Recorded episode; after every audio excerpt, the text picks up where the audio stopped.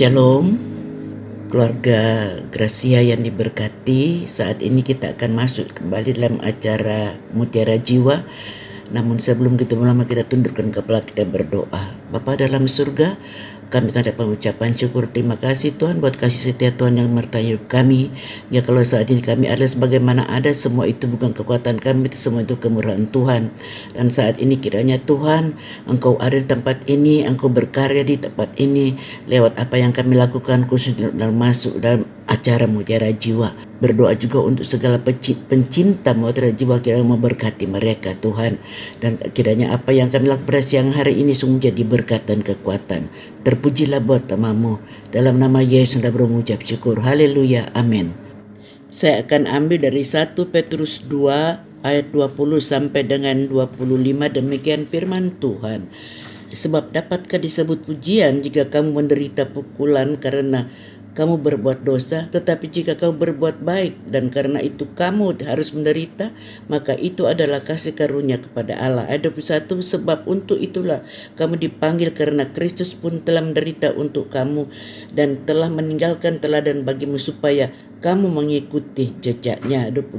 Ia tidak berbuat dosa dan tipu tidak ada dalam mulutnya. Ketika ia dicaci maki, ia tidak membalas dengan mencaci maki. Ketika ia menderita, ia tidak mengancam, tetapi ia menyerahkannya kepada dia yang menghakimi dengan adil. Ada 24. Ia sendiri telah memikul dosa kita di dalam tubuhnya di kayu salib, supaya kita yang mati telah terhadap dosa hidup untuk kebenaran oleh bilur-bilurnya kamu boleh disembuh. Ayat 25. Sebab Dahulu kamu sesat seperti domba, tetapi sekarang kamu telah kembali kepada gembala dan pemeliharaan jiwamu. Puji Tuhan, eh, mampu eh, hari ini kita akan baca bersama dengan firman Tuhan yang masih berkaitan dengan kebangkitan dan judul firman Tuhan pada saat ini akan saya berikan satu mengapa kita harus menderita. Saudaraku, penderitaan itu bukan karena Tuhan tidak mengasihi tapi sesungguhnya penderitaan yang kita alami saat ini itu merupakan satu teladan yang Tuhan sudah berikan. Firman Tuhan sudah mengajarkan kepada kita dengan penderitaan dia dia harus mati di kayu salib hanya untuk uh, saya dan saudara diselamatkan. Jadi bukan rahasia lagi. Banyak orang percaya imannya menjadi goncang bila melihat kok para pengikut-pengikut Kristus mengalami penderitaan. Pertanyaannya, mengapa orang Kristen tidak pernah lepas dari penderitaan dan masalah dalam hidupnya? Pertanyaan ini menjadi pertanyaan ini pasti ada dalam diri setiap orang Kristen yang melihat bahwa yang mengalaminya adalah orang yang percaya kepada Tuhan.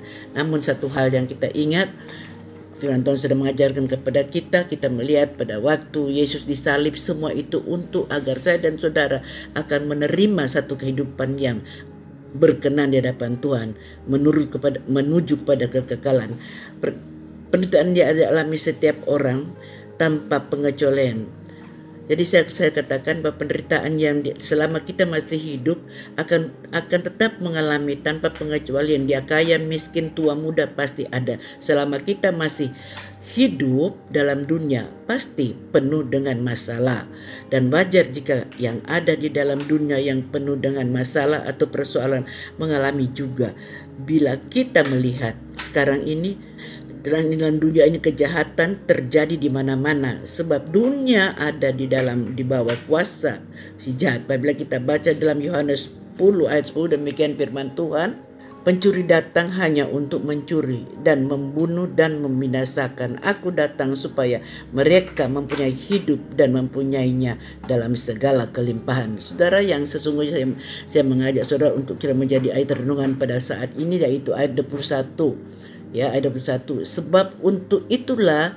kau dipanggil karena Kristus pun telah menderita untuk kamu dan telah meninggalkan teladan bagimu supaya kamu mengikuti jejaknya. Mungkin orang berkata, kok katanya anak Tuhan tuh enak, aja orang percaya itu tidak akan melemas. Tapi kita melihat latar belakang dari kehidupan uh, Tuhan kita Yesus Kristus untuk kita sebagai orang percaya mendapat satu kehidupan yang baik itu lewat penderitaannya. Kita melihat bahwa tadi dikatakan bahwa dia dicaci maki, dia disiksa tapi dia tidak pernah membantah. Dia padahal dia adalah uh, yang tidak pernah melakukan kesalahan, tidak pernah melakukan hal yang tidak baik, tidak pernah menipu. Tetapi kenapa dia lakukan? Yesus katakan, Yesus lakukan itu supaya saya dan saudara boleh mendapatkan sesuatu kehidupan yang baik. Namun dikatakan juga karena ber, ya, tadi saya katakan penderitaan dialami setiap orang tanpa pengecualian. Selama kita masih hidup dalam dunia pasti penuh dengan masalah dan wajar jika yang ada di dalam dunia ini penuh dengan masalah persoalan mengalami juga.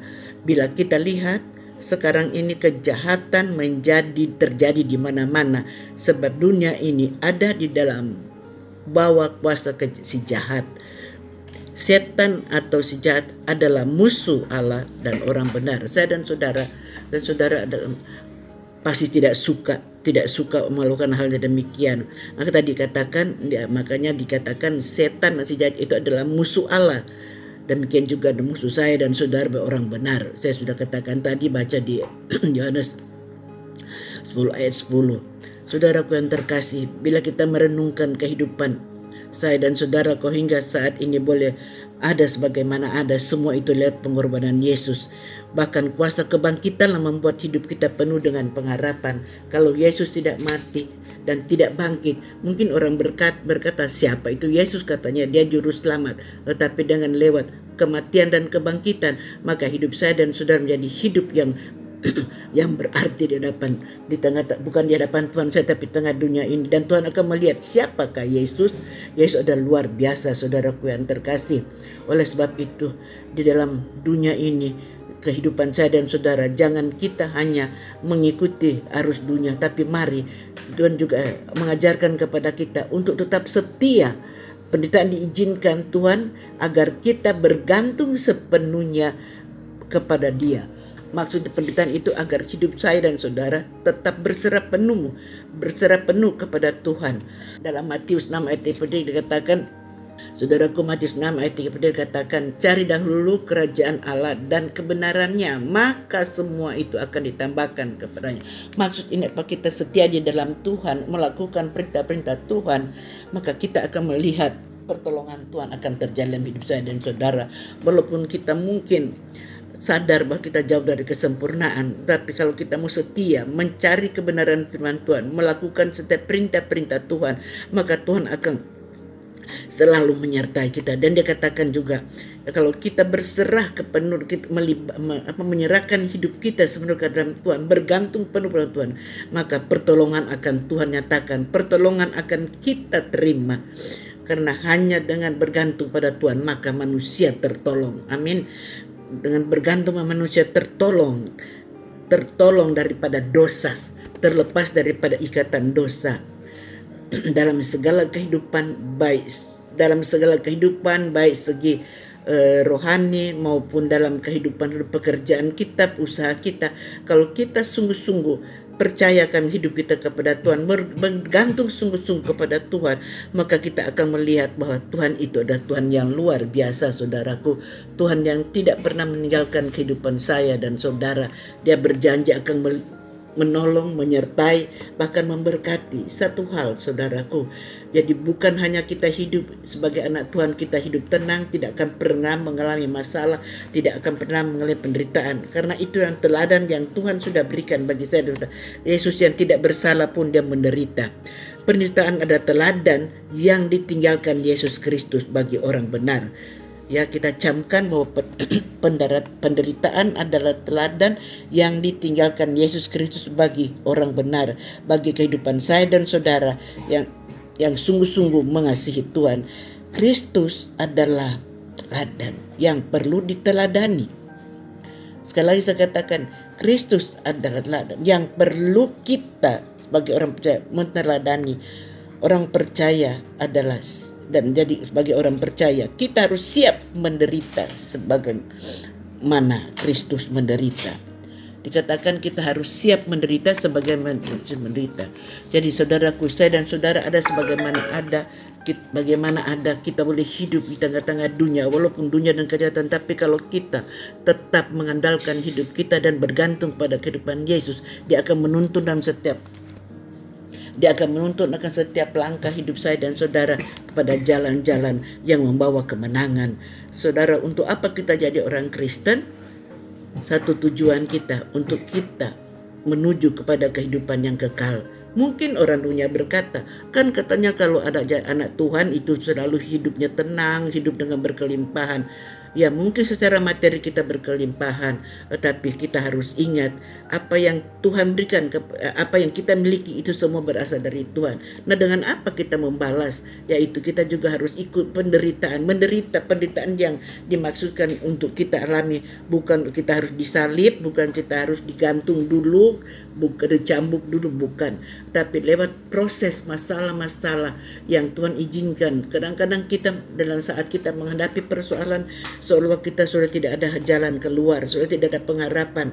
Apalagi kita melihat keadaan ekonomi sekarang, keadaan dunia yang semakin hari bergoncang dengan hal-hal yang kalau kita sebagai anak Tuhan tidak teguh mengandalkan Tuhan iman kita bisa goyah.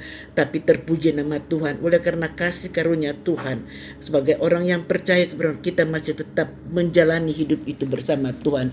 Baik dikatakan hidup kita hanya ada di dalam tangan Tuhan. Kita tidak bisa lakukan apa-apa dengan kekuatan kita sendiri, tapi kita tahu apabila kita setia dan tetap melakukan segala perintah-perintah Tuhan, bahkan mengambil bagian dalam penderitaan Yesus. Penderitaan itu yang kita rasa itu tiap persoalan, pergumulan, baik itu masalah keluarga, usaha anak, eh, usaha apa pun, rumah tangga, itu juga merupakan satu uh, masalah secara manusia tentu itu kan merupakan penderitaan juga jadi bukan penderitaan yang seperti kita Yesus alami. Kita bayangin aja penderitaan Yesus yang itu luar biasa tapi itu tidak dia izinkan kepada saya dan saudara yaitu apa yang kita alami itu yaitu masalah-masalah problem ekonomi, keluarga, masalah rumah tangga dan apa pun yang kita alami. Tetapi di saat kita mengalami itu, adakah kita tetap mengandalkan Tuhan? Seringkali orang dalam hal yang seperti itu mengeluh dan tidak mau lagi percaya kepada Tuhan dan itu menyalahkan Tuhan. Saudara yang terkasih, tadi saya sudah katakan dalam Matius 6 ayat cari dahulu kebenaran dan Tuhan kebenaran maka semua akan ditambahkan. Kalau kita setia melakukan kebenaran-kebenaran Tuhan, maka kita akan melihat pertolongan Tuhan tidak akan pernah lepas dalam kehidupan saya dan saudara. Oleh sebab itu saudaraku yang terkasih di dalam dikatakan tadi dalam Yohanes 10 ayat 10 pencuri datang hanya untuk mencuri dan membinasakan dan mem membunuh dan membinasakan. Aku datang supaya mereka mempunyai hidup dan mempunyainya dalam segala kelimpahan. Itu janji Tuhan. Kalau iblis datang dia hanya untuk membunuh, mencuri, membuat kita akan binasa. Tetapi Yesus berjanji, dia datang untuk menjamin hidup saya dan saudara hidup dalam kelimpahan. Jadi saudara jangan sampai di tengah-tengah kesukaran yang kita hadapi kita kita memperserahkan Yesus. Tuhan tidak pernah membiarkan satu hal. Adakah hati kita tetap melekat kepada Dia? Jadi sekali lagi penderitaan izinkan agar kita bergantung sepenuhnya kepada Dia. Karena hanya dengan bergantung pada Tuhan maka kita mendapat kehidupan yang luar biasa. Kita melakukan damai sejahtera, ada ketenangan, Dia menolong dalam segala perkara, Dia memulihkan hidup saya dan saudara. Oleh sebab itu dalam ayat 3 penderitaan adalah teladan yang ditinggalkan Yesus Kristus bagi orang benar. Saudara tadi eh, judul pembaca mengapa kita menderita. Jadi kita menderita itu dikatakan penderitaan adalah teladan yang ditinggalkan Yesus Kristus bagi orang benar. Kristus adalah teladan yang perlu diteladani, perlu diteladani, bukan berarti kita sengaja nyiksa diri kita, bukan maksudnya. Di saat Tuhan izinkan diizinkan kita mengalami suatu persoalan jangan kita mengeluh tapi kita percaya di dalam segala hal Tuhan tidak akan pernah meninggalkan saya dan saudara dikatakan Orang percaya adalah siap menderita. Nah, kita garis bawahi orang percaya adalah siap menderita sebagaimana Kristus menderita dan persyaratan menjadi murid Tuhan adalah memikul salib. Kalau kita menjadi anak-anak Tuhan, kita harus siap juga memikul salib ya. Salib yang Tuhan berikan yaitu lihat persoalan hidup kita. Siap merita bagi Kristus berarti kita mengambil ini, eh, bagian dalam peritaan Yesus ya. Jadi saya semua katakan kepada saudara sekalian seperti yang terdapat dalam satu eh, Petrus 2 ayat 20 dikatakan sebab untuk itulah kamu dipanggil karena Kristus telah menderita untuk kamu dan telah meninggalkan teladan bagimu supaya kamu mengikuti jejak. Agar kita mengikuti jejak Yesus. Kita mengambil bagian di dalam perintahan Yesus. Berarti kita layak disebut anak-anak Tuhan. Layak disebut murid-murid Tuhan saudaraku yang terkasih. Um, penderitaan membuat manusia mengoreksi masalah yang kita hadapi, kita koreksi kenapa hidup saya begini? Apakah saya sungguh-sungguh percaya Tuhan?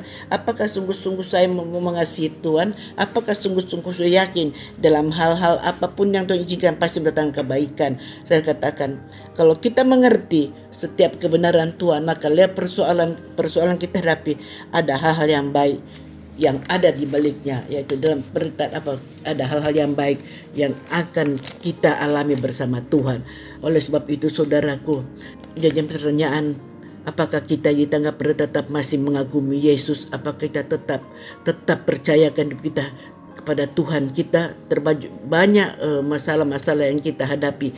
Kalau mana contoh dalam kitab kita melihat juga Ayub dalam penderitaannya, tapi dia tidak pernah meninggalkan. Kalau kita mengenal bagaimana kehidupan Ayub orang yang setia kepada Tuhan, orang yang takut kepada Tuhan, penyembahannya hanya kepada Tuhan, tapi Tuhan izinkan untuk mengalami penderitaan. Demikian juga dengan saya dan saudara di hal-hal yang di hari-hari ini tentu banyak tantangan yang kita harus hadapi, tapi yakin dan percaya di dalam Tuhan ada kekuatan, di dalam Tuhan ada pemulihan, di dalam Tuhan ada ada ada kebangkitan yang membawa kita hidup menuju kepada kekekalan.